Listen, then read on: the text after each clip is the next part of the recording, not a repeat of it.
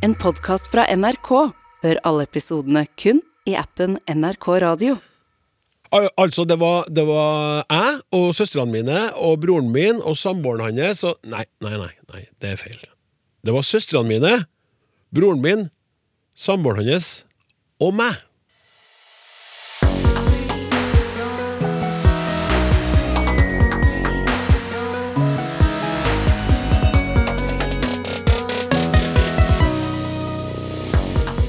Har du hørt om ratatosk, rataskank og ratapakk?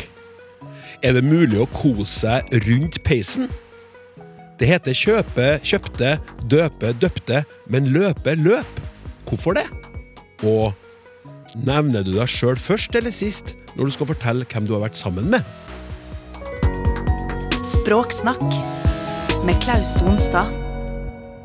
Også i dag har vi en mangfoldig og fargerik spørsmålsbukett å by på, kjære lytter. Av ditt engasjement og din interesse for språkblomster, grammatisk ugress, mosegrodde begrep, viltvoksne anglisismer og mer til, så kommer det stadig nye spørsmål inn i e-postkassa med adressen snakk krøllalfa.nrk.no, eller på SMS til 1987 med kodeord 'snakk'. Dagens tre språkgartnere sitter klar. Her har vi Rikke van Ommeren fra Institutt for språk og litteratur på NTNU. Rikke, mannen din debuterte nylig i Språksnakkpanelet. Ja. Ja. Hva, har du hørt på, hørt på den, eller? Ja, han kom på radioen da jeg kjørte bil en dag. Så jeg har faktisk hørt den, ja. Ja, Hva syns du om innsatsen, da? Ja, han er likende på radio, akkurat som hjem. Ja. Å, så hyggelig. Så. ja. Men du, han driver og sa For jeg har jo alltid kalt deg Du har vært her mange ganger, og så kaller jeg Ommeren. Van Ommeren, sier jeg. Ja. Han, han sa Ommeren! ja. Det kan være, ja. Ja, nei, det er mange varianter til det ute og går. Ja. ja. Men hva, hva, hva, sier du sjøl? Vi sier nok ommeren. Eh, ikke ommeren, men det er jo ganske vanlig, og det er jo fordi da, da på en måte legger den på en en typisk norsk sånn sammendragning på slutten der igjen. I én språklyd i stedet for å uttale hele greia. Og det har jeg blitt ganske vant med, så det går helt fint. Det som er så artig, Rikke, det er at mange sliter jo med at folk uttaler etternavnet deres forskjellig, eller sånn som det kanskje ikke skal være. Men det er jo ikke alle som kan forklare det sånn som du gjør det. Nei da. Det kanskje bidrar til toleransen og det, da. Formelt sett så vil jeg si at den skal jo tilstrebe å uttale navn sånn som den som har navnet foretrekker, men det er ikke bestandig det er så lett å få gjort, og han har kanskje lov til å være litt utilbørlig, han da. Ja. Ja. Fint. Eh, Så har vi med oss Mikkel Ekeland Paulsen fra Institutt for lingvistiske, litterære og estetiske studier eh, ved Universitetet i Bergen. Ja. Eh, Du har vært knytta til revisjon av ordbøkene, ja, stemmer. men nå er du vel opptatt mest av alt med noe annet? Ja, eh, det er jo ikke noe helt eh, annet. eh, Eller jeg skriver avhandling, da. Jeg driver med doktorgradsprosjekt, og så forsker jeg på ordbøker, egentlig. Og det jeg forsøker å finne ut av, er veldig godt sagt hvilke ord er det som bør stå i ordbøkene. Jaha. Og så mer spesifikt, da, så gjelder dette sammensatte ord i norsk. Fordi som enhver eh, opplyst språk, eh, språkbruker vet, så kan vi jo fritt sette sammen ord i norsk. ikke sant? Vi kan si stuebord, og vi kan si stuebordslampe, og vi kan si stuebordslampeskjerm hvis vi ønsker det. Men eh, det er åpenbart at ikke alle disse kan få plass i ordbøkene. Eh, Det handler jo både om at vi ikke har kapasitet til å ta inn alle, og fordi at det er også prinsipielt problematisk å ta inn alle alle tenkelige potensielle sammensetninger. ikke sant? For det er jo ikke alle som er like etablert. Så vi ønsker jo å si noe med å ta inn et ord i ordbøkene. Eh, Så det kan være sånn at når du ligger og sover eh, om nettene, så er det ord som kommer til deg og hånter deg for at de har blitt kasta ut av eh, ordboka? Nei, overhodet ikke. Nei, nei. Det er mer sånn at det, det kommer en sammensetning til meg som, som er sånn Å, den er veldig spesiell. Hva, hva, hva er det som foregår der, egentlig? Nå sist var det sykkelpumpe. Tenke, ja, men sykkelpumpe, Det er ikke så lett. Det er jo ikke sykkelen du pumper opp, det er jo en sykkelslange du pumper opp. Hvordan vet vi det hele tatt hva en sykkelpumpe betyr? Så, sånne spørsmål er det. Skjønner. Som holder meg våken, da. Ja, ja, ja nettopp. Ok. Og så har vi en eh, førstegangsreisende i språksnakksammenheng her, i hvert fall når det gjelder spørsmål- og svar-varianten av språksnakk. Ragnhild Eik fra Institutt for språk og litteratur ved NTNU, kollega av eh, Rikke. Eh, Ragnhild, jeg tok en, eh, en sånn superkjapp Google på deg, og så at du er medlem av en forskergruppe som heter Det står ACQVA, da, med VA stor, V og stor A. Aqua. Aqua, Sammen med flere språk, språkforskere som har vært eh, her i Språksnakk. Hva er Aqua for noe? Mm. Aqua er, eh, står for acquisition, variation og attrition. Så vi ser på eh, språklig variasjon, og åssen språk eh, læres, og åssen språk kan endre seg gjennom livet.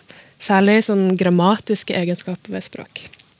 Um, og det jeg særlig jobber med, er endring i, i gensystemet i norsk. Altså at før, eller Tradisjonelt så har vi jo tre kjønn. Hun-kjønn, han-kjønn, intet-kjønn.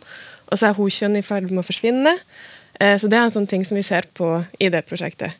Ja. Um, den typen variasjon da, som oppstår. Akkurat. Mm. Ja, fint, da vet vi det. Tror jeg vi skal bare gå i gang med dagens eh, spørsmål, for det er mange av dem, og de er bra, alle sammen, vil jeg si, fra mitt eh, da eh, legmannsståsted.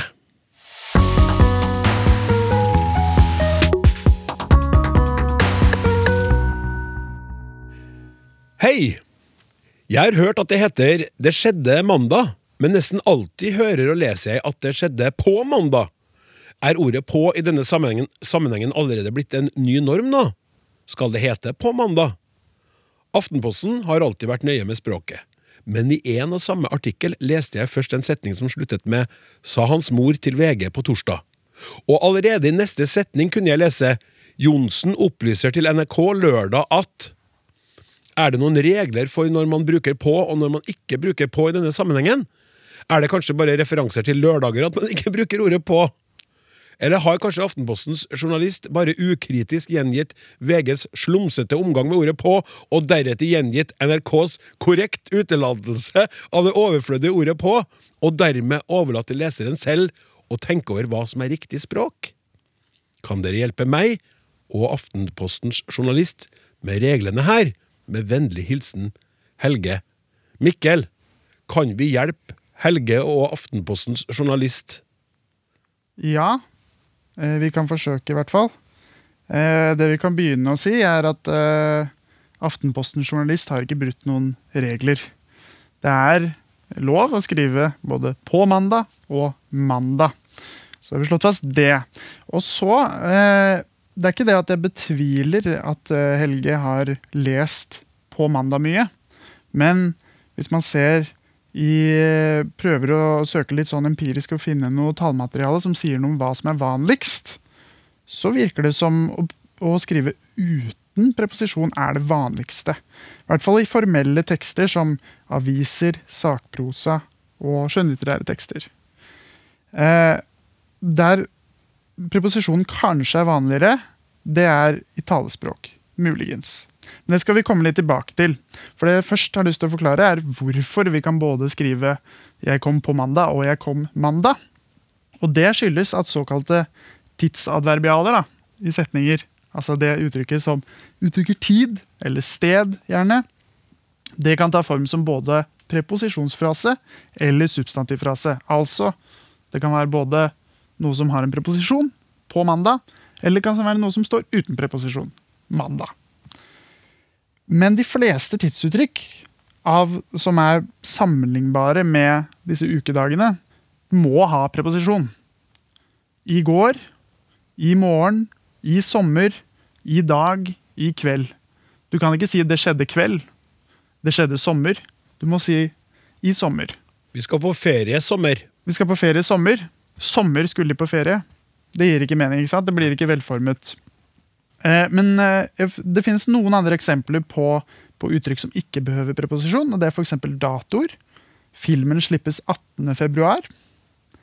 Eh, ukedager trenger det jo som, som nevnt ikke. Programmet sendes fredag.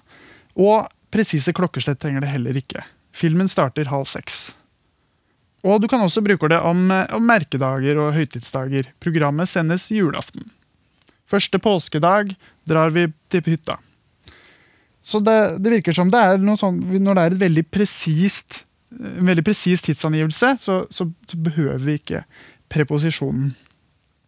Eh, men det er jo fristende å, å spørre hva er arbeidsdelinga da mellom disse Eh, altså, og det å bruke ukedag med og uten preposisjon. Ja, hva er arbeidsdelinga, da? Med, Hvorfor, hvorfor har vi denne variasjonen? Hvorfor holder vi oss ikke bare til det ene?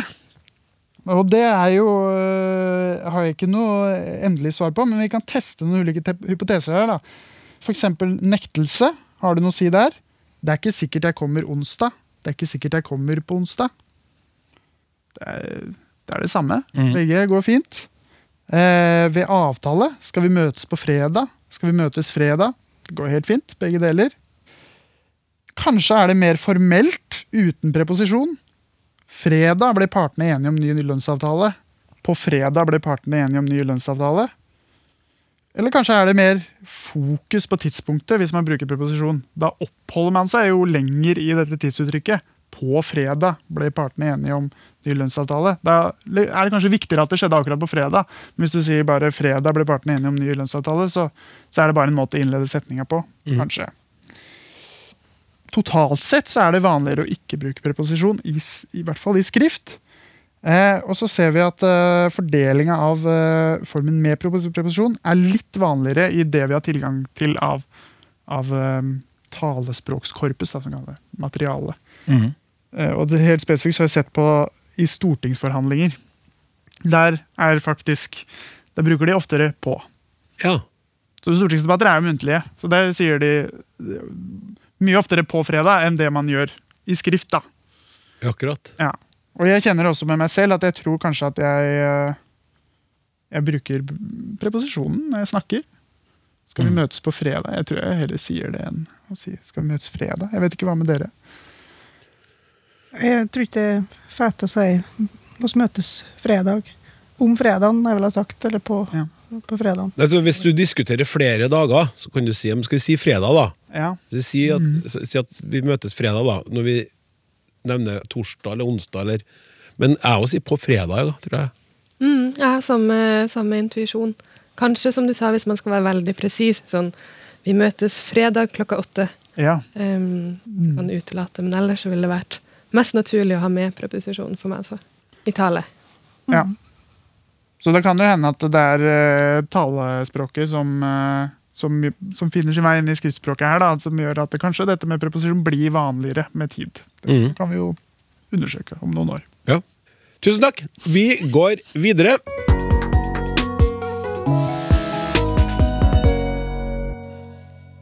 Hei! Jeg har alltid trodd at svalefuglene, låvesvale, tårnsvale, har navnet fra V-formen på stjerten. I Trøndelag kalles fuglen sulu, med tjukk L, og nøyaktig det samme heter forgreninger på busker og trær som forgrener seg i to deler.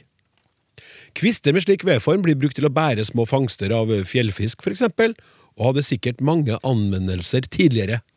Så formen på stjerten er som formen på slike kvister, og fuglen og kvisten heter nøyaktig det samme på dialekt, så jeg trodde navnet på fuglen kom fra navnet på slike kvister. Men så søkte jeg opp etymologien for svale og swallow. Fant ikke stort, men det lille jeg fant, var ikke engang inne på teori teorien min. Er jeg på bærtur? Ha en ellers fortreffelig dag. Hilsen Helmer. Rikke? En Helmer på bærtur? Ja, det kan virke som han er litt på bærtur, men jeg har hatt egentlig ganske stor glede til å prøve å felge han på den bærturen, da. Ja, si Man kan jo egentlig gjøre det for å se liksom hvor er det teorien strander hen. Ja. Um, det blir en litt lang tur, da, men det, ja. Altså sånn For å stake ut kursen, så har jo da til Helmer en teori som ikke holder helt vann når det gjelder opphavet til fuglenavnet svale. Mest sannsynlig. Men det kan se ut at teorien hans har noe for seg i forklaringa til navnet på en annen fugl som vi har i norsk fauna. Det er litt artig, da. Uh, men han har da teorien at det er det samme ordet for den her eh, V-forma tre, tre, stykker, eller et Ja, kvisten. kvisten. eh, Ja. kvisten, og faugeren, svale. Spurvefuglen. Fordi at det har samme fasong. Men så er det sånn at eh, en svale gjør ingen sommer, det er jo et ordtak. Og det betyr jo at en kan jo ikke feste lit til ett enslig eksempel. Og Helmer sin teori strander når hun begynner å se til andre deler av Trøndelag. For han sier jo at det i trøndersk så heter de her så er det det samme ordet. Ja, for, Men jeg er jo trønder, jeg òg, Ja, vil jeg påberope meg. ja, nå er jeg spent. Og jeg sier jo svulu. Fordi du skjønner at det var det jeg skulle til å si, at vi snakka om det i redaksjonen, og produsent Hilde hun kjente ordet sulu, men ikke sulu. Og jeg har- kjente ikke til noen av dem. Og jeg er også trønder. Ja. Så har du svulu, Ja. sulu, og en som sier 'hæ?' Hva sier du, da? Eh, Svale. Ja. Og så, hvis du går til gamle Hemne kommune, så vil nok enkelte fortsatt si Svålu eller Svålu. Og så kan du finne Svølu og Svålå og Solo og Solu. Og ja, og hvis du går utover Trøndelag, så finner du enda flere varianter. Eh, sånn at eh, det blir liksom ikke helt det samme da, allerede der. Eh, og den norrøne forma som, som ligger bakafor alle de her variantene, det er svala. Men rundt omkring da i ulike bygdelag så finner en i dag da ulike språkhistoriske resultat av den utviklinga som har vært siden det norrøne språksteget. Og derfor så ryker jo den her formlikheten han baserer teorien sin på, ganske umiddelbart. Så det var den teorien. Ja. ja. ja for, før du fortsetter. Da er det sånn at, for Han sier at uh, sulu eh, det med tjukke L, nøyaktig samme som forgreininga på busker og trær heter for, på hans dialekt. da. Men er du kjent med det? Altså det at sånn forgreining heter sulu? Ja, hvis en slår opp i, i norsk ordbok, eksempel, så finner den dialektale varianten sulu for svale, og eh, noe som lekner på det for V-forma kvist. Vi sa at den her V-forma kvisten, Ja. det går tilbake på en annen norrøn form. Og sånn vil det ofte være da, hvis at du har dialektale varianter som, Ja. som varierer. Da må en se til et språksteg lenger bak. Og eh, det tilbakeføres da til sula, en annen form. Og der finner en jo da både i bokmål og nynorsk òg, og i tillegg eh, i ulike talemålsformer. Det brukes både om kløftforma tre, redskap eller landskap, som er kløftforma, og om stolpe eller søyle. Og her så kommer det som er litt sånn artig med denne teorien hans eh, Helmer, da, eller bærturen. For i det norrøne ordet, som er opphavet til redskapet som han kaller sulu, så finner vi ikke opphavet til fuglenavnet svale, men det er opphavet til fuglenavnet sule, som i havsule. Oh. Ja. Og faktisk er det latinske navnet for den familien av fugler som havsula tilhører, det er sulidae. Yes. Ja. Så om det er fasongen på stjerten til sulene som er kileforma, eller søyleforma, da, som er den opprinnelige betydninga til det norrøne sula Det har ikke makta å bringe helt på det rene, eh, men det er ikke helt usannsynlig, i alle fall. Og eh, redskapet sule, eller denne, det ordet som òg har med den V-forma kvisten, det er òg beslekta ordhistorisk sett med mange stedsnavn som har sul og sula i seg, sånn som Sul i Verdalen og Sula kommune på Sunnmøre, Suldal i Ryfylke. Så det kan være, en kan ikke utelukke at de to ordformene i norrønt har et eller annet felles opphav bakafor, altså en, i enda eldre tider. Men eh, ordhistoria til de to norrøne formene er såpass uklar at eh, det går i hvert fall ikke an å så gi en Helmer helt rett. Kan si kanskje da at en Helmer har vært på bærtur i et veldig sånn uh, frodig, bærrikt område langt attmed kysten. Ja. Sulidae fins for øvrig ikke bare i Trøndelag, eller det fins i store deler av verden varianter av den. da. Ja, så bra. Tusen takk skal du ha. Det her, eh, jeg, tenker at uh, Helmer uh, sier seg fornøyd med dette svaret her. Var ikke så langt unna, men, eller sånn, han var på bærtur, men han var på en annen bærtur enn han kanskje frykta at han var.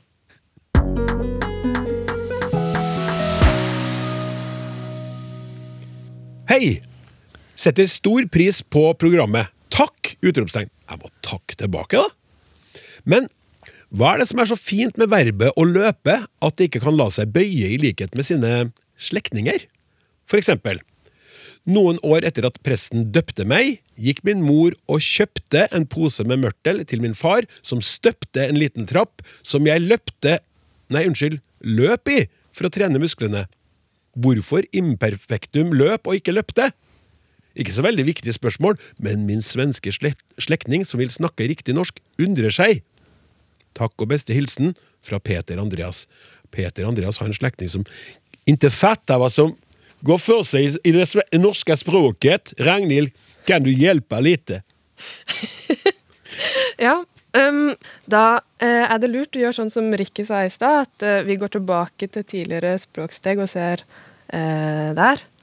Eh, og løpe er jo tradisjonelt et sterkt verb eh, av norrønt løypa, mens døpe og støpe er svake verb.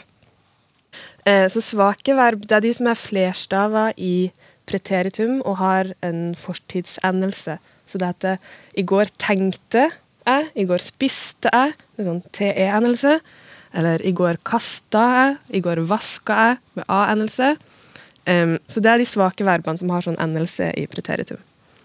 Uh, de sterke verbene de er enstava i preteritum, og så har de som regel vokalskifte. Så det heter å drikke, drakk, uh, å slå, slo, osv. med vokalendring. Så det er typisk for de sterke verbene.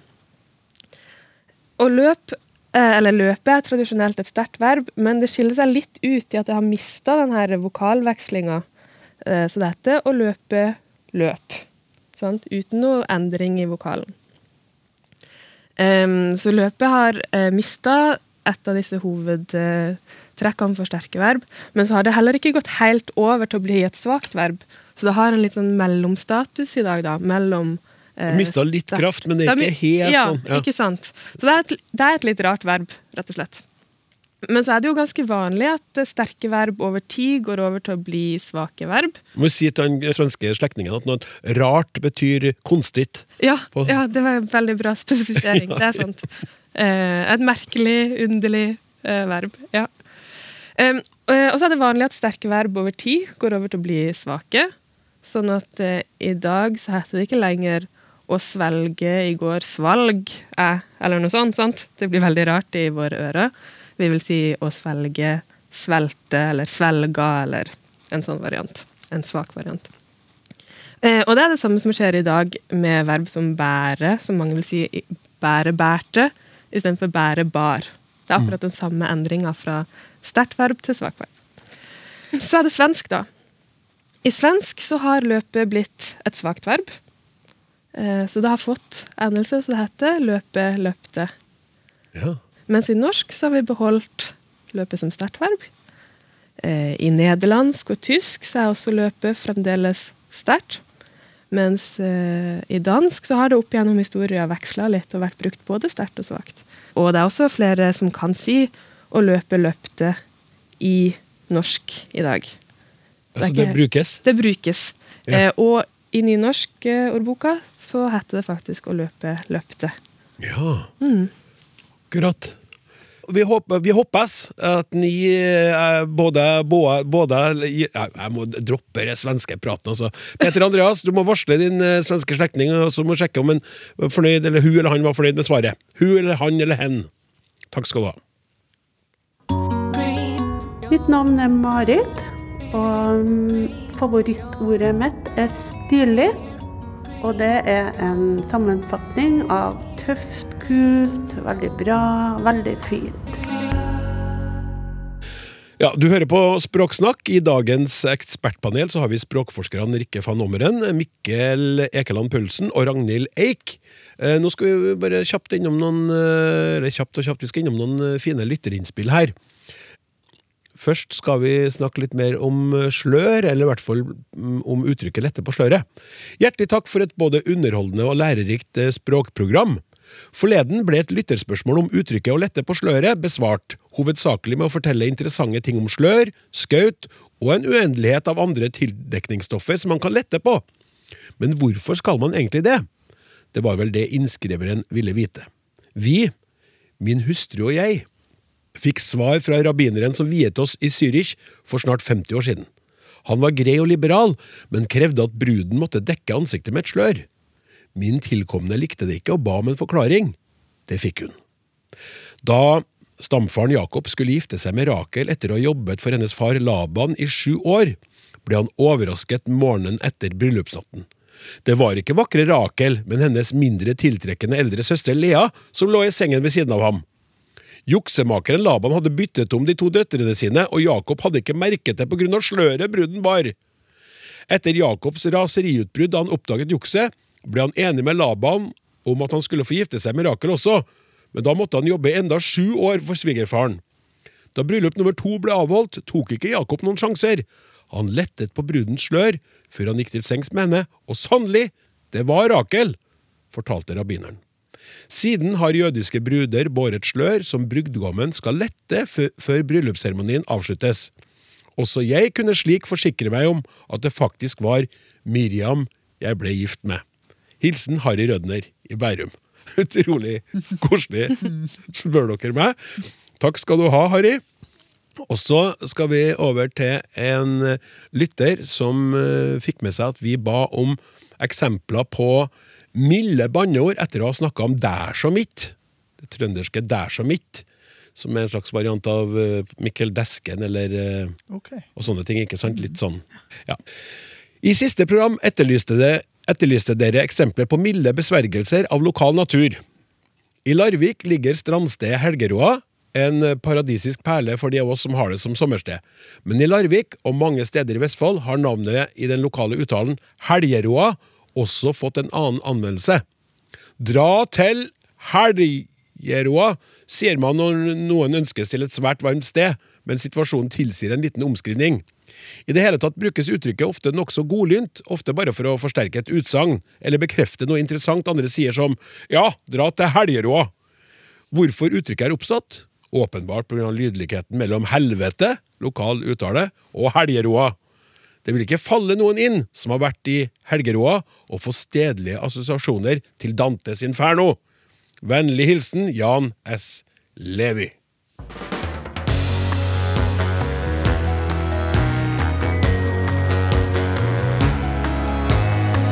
Språksnakk med Klaus Sonstad.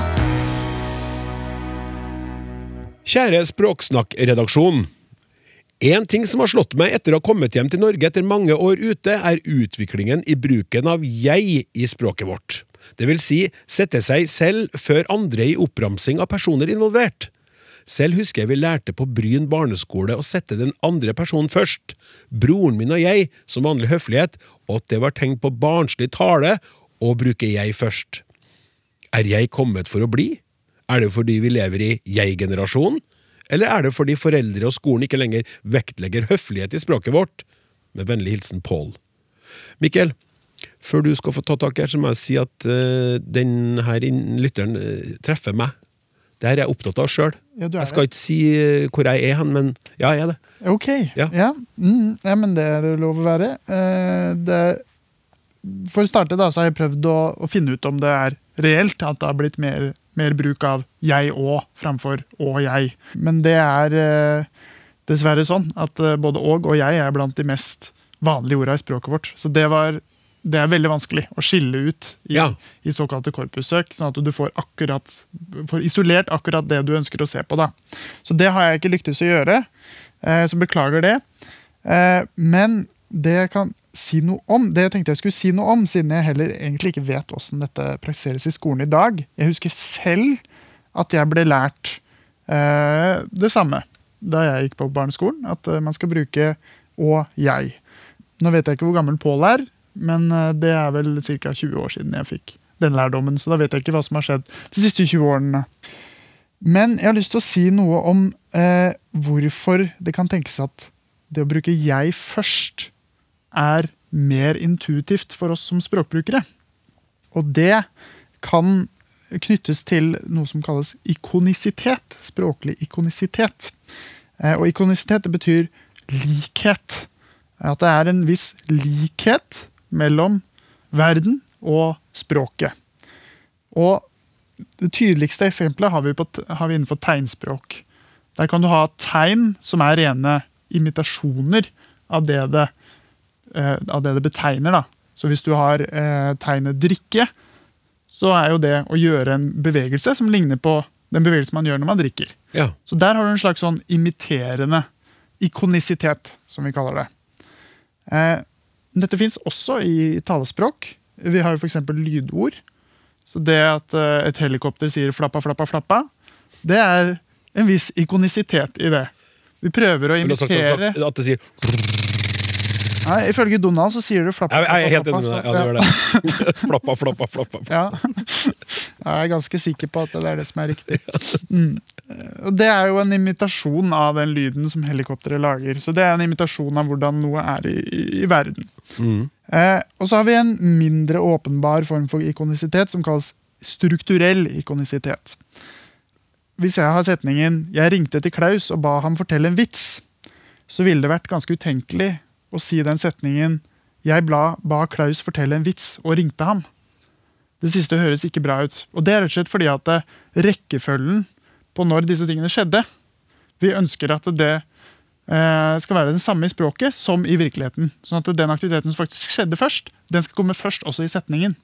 Og det, Da er det en slags sånn strukturell etterligning ikke sant, mellom virkeligheten og språket. Og det samme kan vi ha med denne jeg og Klaus. For Hvis jeg skal ramse opp eh, forskjellige mennesker, så er jo jeg nærmere meg selv enn jeg er Klaus. Så Derfor kan det hende at det, med en sånn eh, etterligningstankegang, så er det mer intuitivt for meg å si jeg først. Ja. Jeg og Klaus. Men da er vi kanskje ved kjernen av hva høflighet er. da. Det er jo kanskje å demme opp eller kompensere for våre hva skal vi si, naturlige tilbøyeligheter til å bruke det mest intuitive, og heller vise hensyn til andre. Så, så, sånn sett så er det jo eh, kanskje mer høflig å si Klaus og jeg. Um, Kan jeg bare så- sjekke med, med de to andre her, Ragnhild og Rikke. Hva, hva, er dere opptatt av det her? Tenker dere på hvordan dere sier det? Når du har vært ute med noen eh, venner, eh, drukket kaffe på en lørdags formiddag, så fortell det, fortell det noen andre. Hvor setter du deg sjøl i setningen, Ragnhild? Mm, Når jeg skal snakke, så må jeg innrømme at jeg setter nok meg sjøl først. eh, Når jeg ikke tenker så nøye over det. Og jeg vil til og med si meg og Klaus drakk kaffe. Um, um, mens når jeg skal skrive, så prøver jeg jo liksom Da har jeg litt mer tid til å gjøre ting ordentlig, og da blir det kanskje Klaus og jeg. Ja. Eller, ja. Ja, nettopp. Rikke? Ja, jeg er jo klar over normen som gjelder, men jeg tror nok jeg synder ganske mye mot det sånn i, sånn i dagligtale, ja. Det Ja. er det nok en viss fare for. Jeg har Ja. aldri observert meg sjøl i det her, men det kan jeg begynne med nå. Jeg har, eh, jeg har drevet og jeg tenker på det. Så når jeg, jeg retter ikke på meg sjøl sånn som jeg gjorde i starten av sendinga i dag. Men jeg kan, jeg kan tenke hver gang jeg starter meg sjøl, tenker jeg åh, nå gjorde jeg det igjen. Starta med meg sjøl. Jeg har lyst til å, til å være den her høflige personen som en Pål eh, savner fra før. jeg- Men jeg tror du har et veldig godt poeng med den her eh, at man er seg sjøl nærmest, og ikke minst i denne vår tid. ja. ja. Ja, jeg tror det oppleves som mer eh, økonomisk. At det er det som er lettest å gjøre. Ja, sto jo faktisk og tok en selfie i dag da. Ragnhild kom inn i studio som den første av dere. Så der er vi jo nå, ikke sant, Mm. Mikkel? Vi er på selfie selfie-stykket. Jeg tror faktisk at jeg har tenkt over det mest aktivt når jeg prater engelsk. Eh, fordi at det her tematiseres i en del sammenhenger som et sånn typisk tegn på høflighet, eller alternativt uhøflighet. Jeg vet ikke, engelskspråklige sammenhenger, eller i populærkulturen. Så jeg tror kanskje at eh, refleksen min knytta til det er mer sånn påkobla når jeg bruker engelsk. Men det kan hende programmet kan gjøre at den eh, ryggmargsrefleksen blir litt mer eh, vekka på, på norsk òg, da. Ja. Og så er jeg jo kjent for å være litt uhøflig et sted. Sånn ute i verden. ja, litt. Eh, Hva, hva, gjør du da? hva sier du da, Mikkel? Nei, jeg vet at jeg er veldig nøye på å plassere meg selv til slutt hvis jeg skal skrive et kort som har flere Mm. avsendere. Da signerer jeg alltid Å Mikkel. Mm. Jeg skriver kortet, så skriver jeg Å Mikkel, så kan de andre fylle inn navnet sitt først. Ja, men du setter Å Mikkel først. Ja. Det- Men jeg, ja, nei, nei da, jeg, Nei, jeg tuller bare. Du skriver Å Mikkel, men du setter De det først. første gangen gjorde jeg det, men nå har jeg skjønt at de trenger litt plass foran Ågen der. Ja. Eh, eh, Faktisk litt eh, spennende å, å se for seg hva lytteren tenker nå. Når vi pra- prater om sånn, får de bevissthet rundt det. For det er sikkert ikke alle som er så opptatt av det, men mange er nok det. Ja, så Mikkel, takk skal du ha, sier jeg.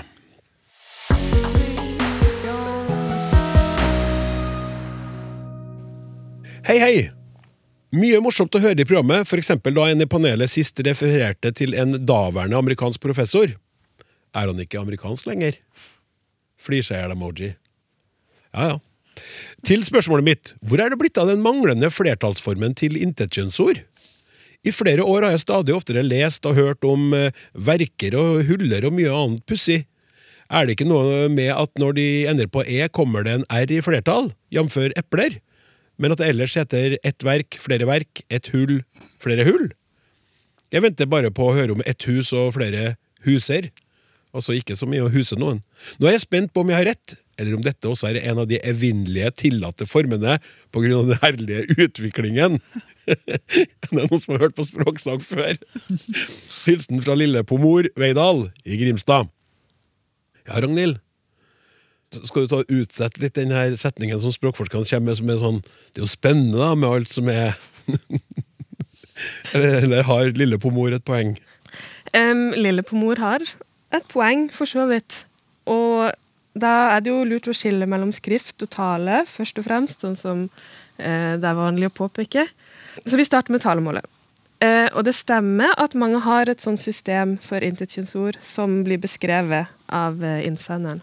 Altså at man har ulik bøying avhengig av om det er én stavelse eller flere stavelser. Eh, om det er ett ark med én stavelse eller et eple eh, som er et tostavelsesord. Så mange vil si ett ark, to ark, ett hull, to hull, men ett eple, flere epler, eller epler, eh, ett hjerte, flere hjerter, eh, for eksempel. Så det er vanlig, vanlig arbeidsdeling mellom de substantivene. Og så er det også en annen klasse som er ord som eksempel, ett eksempel, som er flere stavelser. Og da er det ganske mye variasjon om man foretrekker å si eh, to eksempler eller to eksempel. Så jeg vet ikke hva dere gjør. Jeg vil si ett eksempel, to eksempel. Mm. Jeg sier nok eksempler. Mm. Jeg, jeg visste jo at det gikk an å si ett eksempel, flere eksempel. Et eksempel, flere eksempel. Det går så fint. Ja, det gjør kanskje det, når jeg så, så først sa det noe, men jeg, eksempler, ja. Eksempler. Ja, Eksempler. så det er veldig tydelig at det finnes variasjon i åssen vi bøyer eh, intetkjønnsord. Eh, og det er på en måte Det er ikke noe nytt at det finnes eh, sånn variasjon. Så det finnes ulike system. Eh, noen har ingen endelse uavhengig om det er én eller to stavelser, så dette er ett eple, to eple. Eh, mens andre kan faktisk si ett hus, to huser.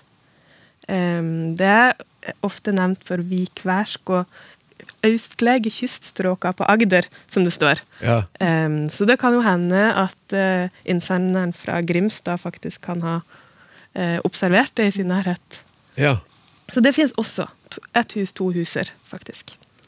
Um, og så er det jo ikke sånn at den ene dialekten har mer rett enn den andre i åssen man skal bøye intetkjønnsord. Uh, ulike dialekter har ulike system, eh, og noen veksler kanskje til og med mellom ulike system i ulike sammenhenger. Eh, men så er det skriftspråket, da, og hva man skal gjøre i skrift. Nettopp. Da håper jeg på at du har en klarere og strengere beskjed ut til norske språksnakkfolket, Ragnhild. Ja, og der må jeg skuffe deg. Topp.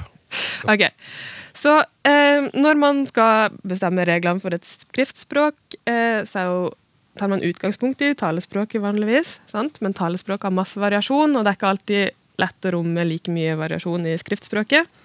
Eh, men det er jo tradisjon i norsk for at vi rommer en del variasjon ved å ha valgfrie former. Så eh, for å starte med nynorsk, eh, der har man et veldig klart og enkelt system. Det er det systemet du gjerne vil ha, det med de klare reglene. Da har vi aldri endelse på intetkjønnsord. Så dette er ett eple, to eple, ett hus, to hus, ett fylke, to fylke, osv. Veldig klart og enkelt. Bokmål derimot har endt opp med ganske mye mer variasjon. Så man kan skrive både eh, to eksempel og to eksempler, to brev og to brever. To brever. Til og med. Ja. Og det her handler først og fremst om eh, tilknytninga mellom bokmål og dansk. Eh, Ja. Det er der mye av dette eh, kommer fra. Men har, har man i bokmål ett hus, to huser? Det har man ikke. Nei. Så bokmål har rett og slett eh, kaos i systemet. Eh, og det er ikke noe nytt. Kaoset ble introdusert ca. rundt eh, 1907, eh, og vi har det fortsatt. Akkurat. Ja, så herlig. Så det er bare, lille Pomor, det er bare å ri, fortsette å ri, rive seg i håret. Det er ingen vei utenom. Takk skal du ha. Navnet mitt er Ketil. Eh, Favorittordet mitt er avånda. Det kommer til å betyr vel å være avåndssjuk eller misunnelse. Og det far etter bestefaren min, og det har vært en gjenganger i slekta. Språksnakk. Ja, øh, Hvis du nå kjenner på lysten til å kommentere et eller annet, eller spørre om noe, så kan du sende øh, spørsmålet ditt eller kommentarene dine til snakk.krøllalfa.nrk.no, eller du kan ta opp mobilen hvis den ikke allerede er framme. Det er ganske sannsynlig, det òg. Så kan du sende en SMS til 1987 med kodeord 'snakk'. Eh, vi har fått en e-post her, eller et e-brev, som eh, Ellen Andenes kalte det. Det er jo det som vel egentlig det riktige. Et elektrisk brev, eller elektronisk. Og fra en 72 år eh, gammel ranværing. Hei og takk for et fortreffelig program, ja. Jeg er en 72 år gammel ranværing, noe som betyr at jeg har en intakt dialekt fra Nord-Rana når det kommer til min språklige bakgrunn. For en god tid tilbake satt jeg og leste om livet blant de gamle guder. I Yggdrasil holdt det til en del dyr, blant annet eh, ekornet Ratatosk. Den tilbrakte tiden med å fare opp og ned i treet for å spre sladder og så splid. Da begynte jeg å fundere. Huset jeg vokste opp i, hadde Ratadalen som nabo på den ene siden. Utedoen var plassert med fall ned mot Ratadalen. En lumsk og ekkel liten bekkedal som var vanskelig å krysse, bratt, våt i bunnen, krattskog og sand som kunne rase ut. Den var rett og slett en ratadal. Det var en del andre ting som hadde et forledd med rata. En ratakørv var en gutt som fant på mye tull og tøys, ikke av den godlynte Emils Hyss-typen, men utspekulert og litt ondsinnet. Og så var det selvfølgelig Ratatosken, en kjeltring som det ikke fantes noe godt i. Så har vi Rataskanken, absolutt verste sort mann, og Ratapakk. Begge deler beskrivelser av folk som ikke er av det snille og gode slaget. Så langt min barndomsdialekt og en negativ forstavelse som kanskje har røtter like langt tilbake som kørven. Men finnes denne bruken av rata også i andre dialekter? Og er den i bruk fremdeles? Gleder meg til å høre et eventuelt svar. Vennlig hilsen Eli Ravnomo fra Langvassgrenda i Rana. Fikk bitte litt gåsehud nå, for jeg synes det var så kult, det her eh, brevet. Så kikker jeg bort på Rikke som sitter på Ratata, Ja. og skal få lov til å svare på det her. Ja. Eh, ja, det er, var et artig brev, og innsenderen spør jo om eh, bruken av rata som negativt ladd forledd finnes i andre dialekter og det gjør det så absolutt. Men skal jeg nå si litt mer om, om det her eh, forleddet, da. Eh, det er rat som forledd og eh, lignende former som rate og rata er beslekta med substantivet rat, som er brukt om avfall og skrap og rusk og rask. Og det går tilbake på norrønt hrati, som er jo da ble bruka for skrot og skrap og, og avfall. Ja. Og så har han beslekta ord som verbet å rate, som brukes som å vrake og kaste ting, og adjektivet raten, som brukes som det som er dårlig og vondt og fælt og usselt. Det er så frydefullt å høre om det, for jeg har aldri, aldri tidligere vært borti det ordet. Altså rattata, som jeg da brukte her nå, som stumpen. Det Ja. eneste jeg kjenner til, det er så herlig at det eksisterer eh, sånne store klynger med dialektord som man ikke har hørt. Ja, jeg tror ikke rattata er relatert rat. Det skjønte jeg, det skjønte jeg. Det gjorde men jeg ja. måtte jo bare ta det jeg hadde. Ja. Det var, og jeg visste hvordan man brukte det. Ja. Men jeg prøvde ikke å sette det i sammenheng med den her. Nei, men det er jo ofte sånn slike Ja, og ræva, sånn i, etym ja, om et, altså, I etymologi, eller folkeetymologi, som en sier, så vil en ofte tenke at ting har med hverandre å gjøre med en gang det er likeens. da. Men det her eh, rat, eh, når det står som en sammensetning, så eh, sier det i noen sammenhenger noe som Altså det sier noe om hva ting er laga av, eller hva det er for. Sånn som ratdunk. Det er da en dunk for rat, og, altså en søppeldunk. Og så kan det være en dunge av rat, da, hvis det er en ratdunge. Og andre ganger så er det som innsenderen peker på, et forledd som karakteriserer det som det står til. Eh, Og veldig ofte så er det da en negativ karakteristikk av noe. Som skrotete eller skrantent eller lite verdifullt og bra. For eksempel er det ei rateku. Det er ei ku som ikke tar kalv. Å.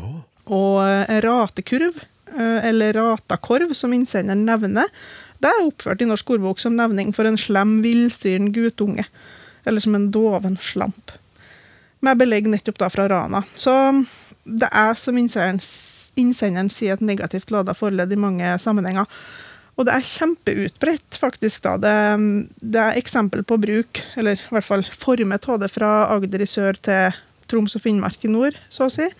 Om det fremdeles er i bruk, sånn som innsenderen er vant med å høre, det tror jeg ganske sikkert. Og en indikasjon på hvor vanlig det er, jo at du òg finner det eh, som normert form i nynorskordboka, der substantivet rat og beslekta ord. Jeg tror vi kan ta utgangspunkt i at òg rat som forledd i sånn dialektal tale er fremdeles mye bruka. Jeg bruker ratefat, for eksempel. Mm, for eksempel. akkurat å spørre, Ikke om et stygt fat, da, men om et fat du putter ratet på. Ja. eh, Middag og sånn. Ja, altså sånn eh, raske, da. Og Ja. Ragnhild, har du Nei, jeg har ingen erfaring med dette, så, Så det var veldig interessant. 50% av uh, tilstedeværende rundt det runde bord i dag har ikke hørt det, mens eh, det brukes da av Bruker du det også? Nei, jeg har ikke bruka det noe mye. Men jeg vet i alle fall godt hva det viser til. sånn at det, at det sirkulerer omkring meg, det, vil jeg si. Ja. Hvis jeg får den ratatosken da, som det hele begynte med, Ja. skal kanskje se litt på, Ekornet. på ekornet òg. Ja. For innsenderne begynte jo resonnementet sitt med en likhet, formlikhet mellom ratatosk og jeg har jo hørt ratatosk brukes som en form for skjellsord. ja, skriver jo det sjøl, og senere så kommer det jo i hennes bruk, men sånn les om det i Yggdrasil, Mm. så er det en, et ekorn som er litt sånn småslesk, som får å Ja. Nå er etymologien, altså ordhistoria, til ratatosk, det navnet, det er ikke helt sikkert. Det er vanskelig å bringe på det rene. Men den ordforklaringa som flest ser ut til å feste lit til i de kildene jeg har eh, konsultert, det er at førsteleddet rata der går tilbake på det norrøne ordet for bor. Mens sisteleddet går tilbake på det gamleengelske ordet tusk for tann, sånn at det viser til bortann. Og da oh. spiller det på utseendet til ekornet, ikke sant? og ikke at det er noe søppelaktig, avfallsaktig ved det her. Ja. Det er iallfall ikke noe som tilsier at det er et navn som går tilbake på norrønt hrati, sånn som rat gjør.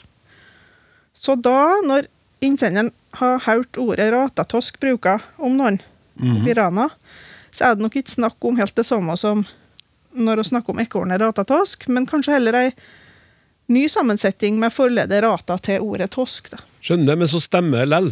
For at oppførselen til ekornet ratatosk Ja. er jo av en sånn art at ekornet ratatosk kan kalles for en ratatosk. ja, tilfeldigvis Så du kunne ha sagt en ratatosk kan en skikkelig ratatosk. Ja. Men sånn er det jo òg ofte i etymologien, da. eh, At eh, det som ser likt ut, det har ikke bestandig samme opphav. Det hender at det er slik òg, og en må jo ofte begynne der da, når en leter. Men ofte så vil språkutviklinga ha endra på eh, deler av ordet, eller på hele, på måter som gjør at de språkhistoriske sammenhengene blir litt sånn vanskelig å få øye på sånn ved første, eh, første gangen en møter et ord. Så at det, det som har vært likt, det har blitt ulikt, eller det som i utgangspunktet har vært ulikt, det ser plutselig likt ut. Ja. Sånn som å ratifisere. Altså, det er ikke å gjøre ting til søppel, Nei, for eksempel. tvert imot. Selv om jeg sikkert i den språklige kreativitetens navn kunne ha sagt at jeg skulle på dungen og ratifisere noe, noe jeg har på loftet. okay. Sånn det kunne jeg sagt, men det betyr ikke at det har med hverandre å gjøre. Og ikke rattata heller. Nei. Nei. Og heller ikke den legendariske Dizzie Tunes-sangen.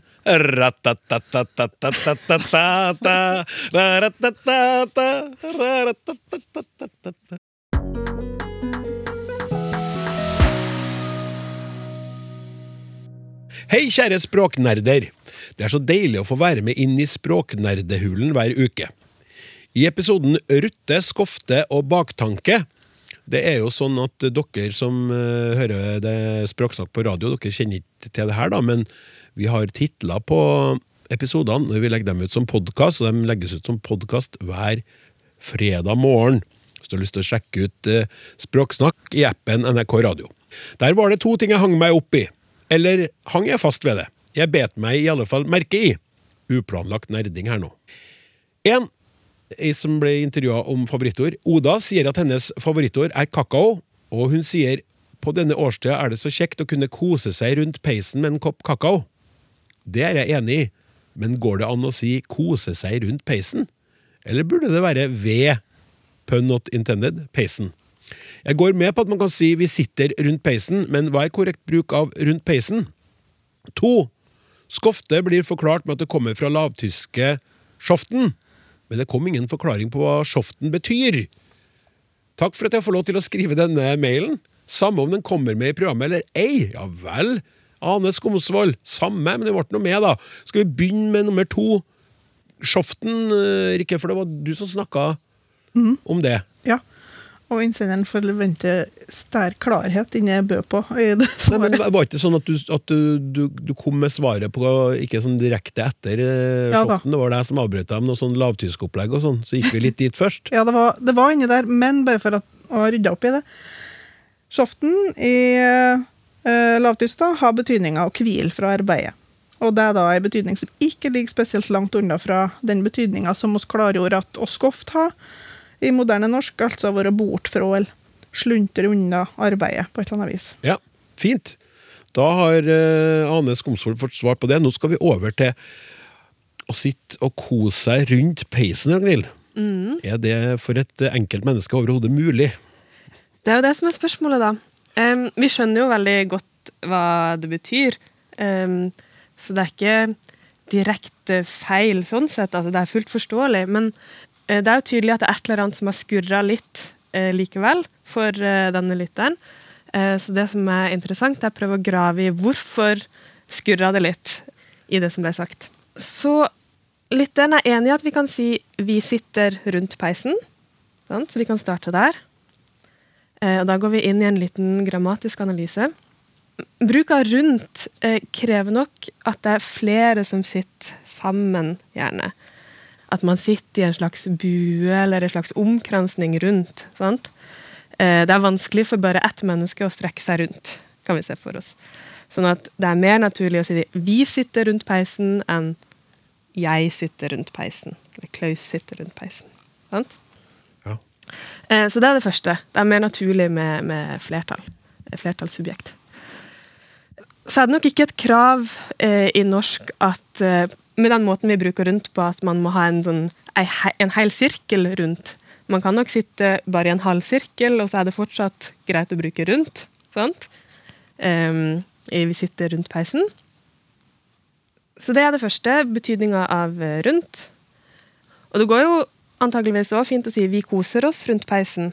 Eller hva syns du? Høres det ut som en naturlig setning? Ja, du kan, eh, så lenge du har det vin der, så går det greit. Mm. Men jeg jeg koser meg rundt peisen, hadde jeg slitt mer med. Ja, ikke sant? Mm. Men vi koser oss rundt peisen, kan du si. ja. Ja.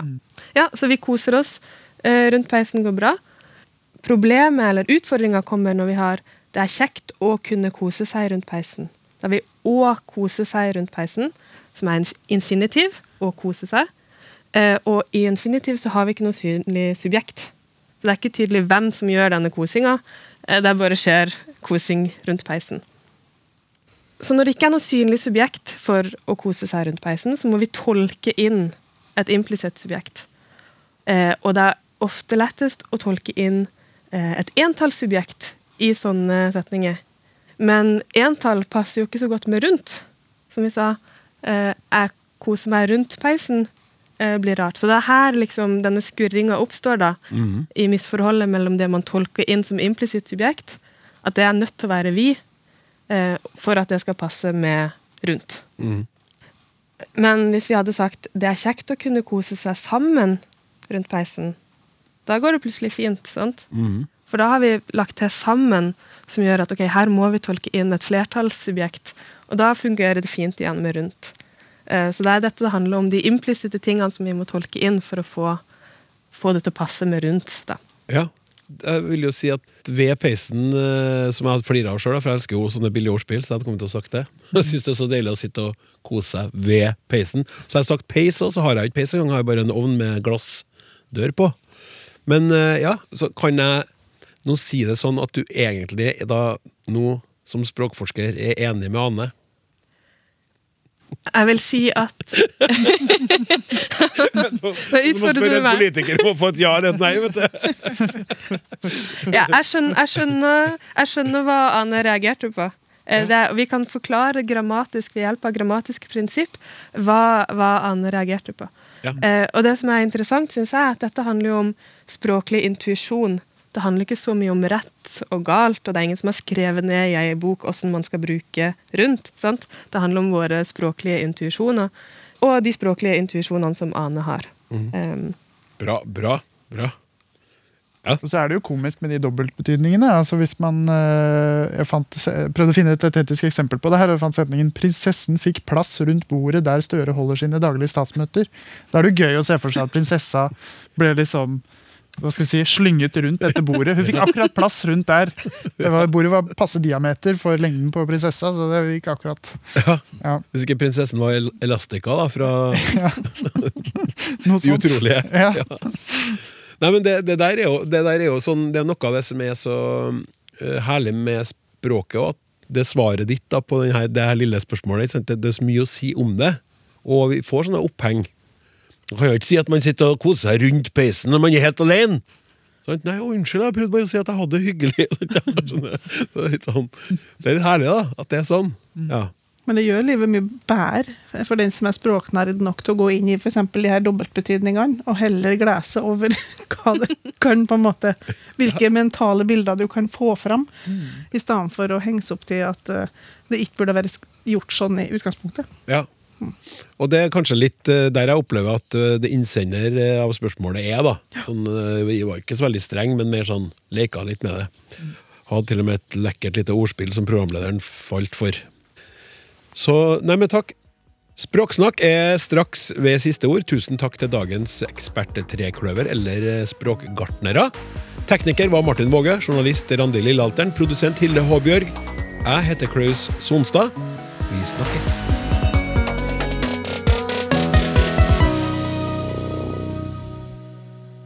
Du har hørt en podkast fra NRK. Hør alle episodene kun i appen NRK Radio.